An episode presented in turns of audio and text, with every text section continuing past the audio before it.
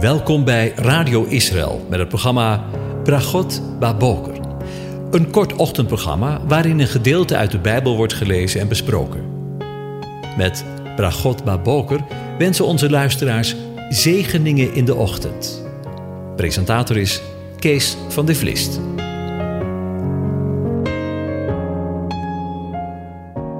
Goedemorgen luisteraars. Vanmorgen gaan we weer verder met Psalm 24. Ik lees het aan je voor. Een psalm van David. De aarde is van de Heer en al wat zij bevat. De wereld en wie erin wonen. Want hij heeft haar gegrondvest op de zeeën en haar vastgezet op de rivieren. Wie zal de berg van de Heere beklimmen? Wie zal staan op zijn heilige plaats? Wie rein is van handen en zuiver van hart, wie zijn ziel niet opheft tot wat vals is en niet bedriegelijk zweert. Hij zal zegen ontvangen van de Heere en gerechtigheid van de God van zijn heil.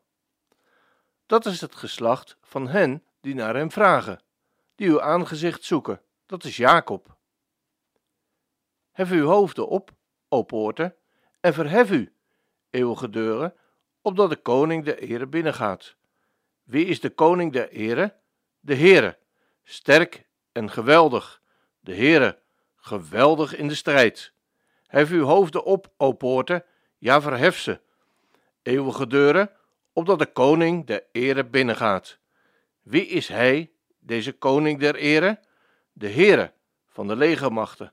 Hij is de koning der ere. Tot zover. Over de bergen gesproken. We denken vandaag verder na over Psalm 24 en dan de versen 3 tot en met 6, waar we lezen: Wie zal de berg van de Heere beklimmen? Wie zal staan op zijn heilige plaats? Wie rein van handen en zuiver van hart is, wie zijn ziel niet opheft tot wat vals is en niet bedrieglijk zweert. Hij zal zegen ontvangen van de Heere en gerechtigheid van de God van zijn heil. Dat is het geslacht van hen die naar hem vragen, die uw aangezicht zoeken. Dat is Jacob. Een berglandschap is enorm gevarieerd. Heuvels, bergen, rotspartijen, al of niet begroeid. Daarom is een bergwandeling door een berglandschap ook gevarieerd. Soms loop je door bloeiende Alpenweiden, dan weer over kale, natte rotsen. Soms loop je heerlijk in de zon en dan word je weer overvallen door een fikse regenbui of loop je in de nevel die het landschap heeft bedekt. En dan moet je wachten tot de mist is opgeklaard. De ene keer loop je makkelijk en de andere keer moet je stevig klimmen. Het menselijk leven, ook dat van gelovigen, is te vergelijken met een berglandschap. Al de dingen die we hiervoor genoemd hebben, zijn ook in geestelijke zin waar. Wij gaan over bergen en door dalen. En wij weten, overal is God. Omdat je niet altijd precies weet wat je tegenkomt in een bergwandeling, is het belangrijk dat je er goed op voorbereid bent. Voedsel meenemen, een extra trui, regenkleding enzovoort. Hoe hoger je gaat, hoe meer je geoefend moet zijn. Anders loop je grote risico's. In Psalm 24, vers 3 stelt David de vraag wie de berg van de Heere mag beklimmen en wie mag staan op zijn heilige plaats.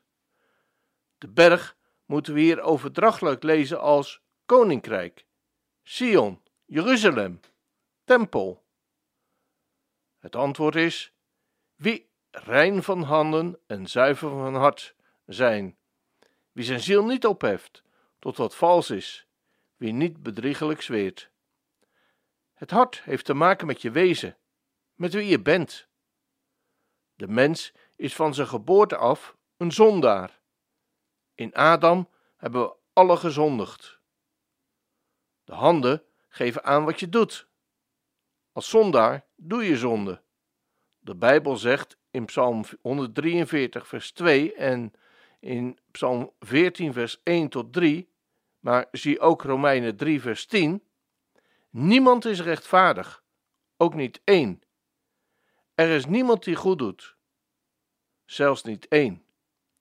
Dat is de situatie van elk mens, Jood en Heide. Door die toestand is gemeenschap met God niet mogelijk. Daardoor moet eerst reiniging plaatsvinden. En je kunt jezelf niet reinigen, noch van de zonde, wie je bent, en ook niet van je zonden, van wat je doet. Maar de Bijbel zegt in 1 Johannes 1, vers 7: Het bloed van Jezus, zijn zoon, reinigt ons van alle zonde.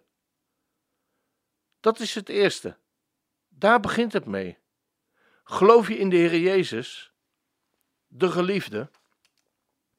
Die fundamentele reiniging vindt een vervolg in de praktische reiniging. Efeze 5, vers 25 en 26 zegt dat Christus zich voor de gemeente heeft overgegeven om haar te heiligen, haar reinigende door het badwater van, met het woord. Mannen, heb uw eigen vrouwen lief, zoals ook Christus de gemeente lief gehad heeft, en zich voor haar heeft overgegeven, opdat hij haar zou heiligen, door haar te reinigen met het badwater door het woord, opdat hij haar in heerlijkheid voor zich zou plaatsen, een gemeente, zonder smet of rimpel of iets dergelijks, maar dat zij heilig en smetteloos zal zijn. Water is in de Bijbel een beeld van het woord en van de geest die het woord gebracht heeft, en dus ook van leven. De Bijbelse boodschap lezen of horen in geloof en afhankelijkheid van God heeft een heiligende en reinigende uitwerking, zodat we niet besmet maken met het wereldse denken. Het woord is het geestelijk voedsel dat wij nodig hebben op onze tocht door het berglandschap van het aardse leven. En al de beloften van God daarin vervat, vergezellen ons. Is het nevelig en donker op onze weg? Psalm 119, vers 105 zegt: Uw woord is een lamp voor mijn voet en een licht op mijn pad. Wat voor een kind van God belangrijk is in het leven, is niet in de eerste plaats te weten wie of wat hij is of doet, of wat zijn capaciteiten zijn, maar te weten wie God is en wat hij doet. Niet bezig zijn met jezelf, maar met Christus.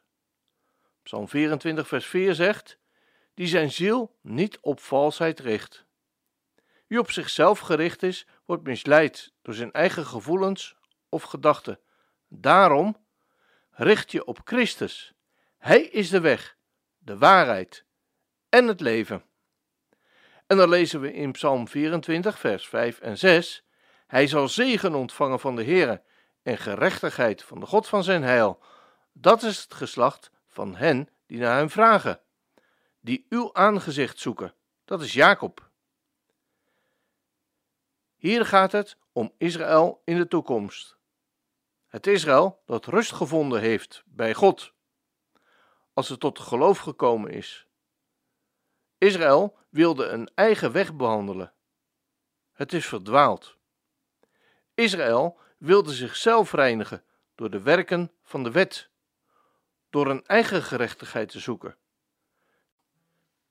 Zij bezitten ijver voor God, maar zonder inzicht zegt Romeinen 10. Broeders, de oprechte wens van mijn hart en mijn gebed tot God voor Israël is gericht op hun zaligheid. Want ik getuig van hen dat zij ijver voor God hebben, maar niet met het juiste inzicht, omdat zij immers de gerechtigheid van God niet kennen en een eigen gerechtigheid tot stand proberen te brengen, hebben zij zich niet aan de gerechtigheid van God onderworpen. Wie die eigen gerechtigheid zoekt, mag de berg van de Heere niet beklimmen en zal geen zegen ontvangen.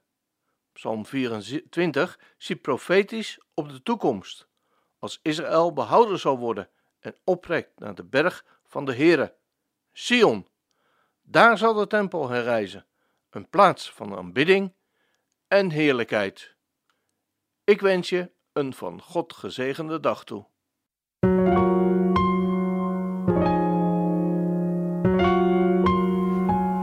U hebt geluisterd naar het programma Bragot Baboker. Een kort ochtendprogramma waarin een gedeelte uit de Bijbel wordt gelezen en besproken. Wilt u het programma nog eens naluisteren, dan kan dat. Ga naar radioisrael.nl en klik onder het kopje radio op Uitzending gemist.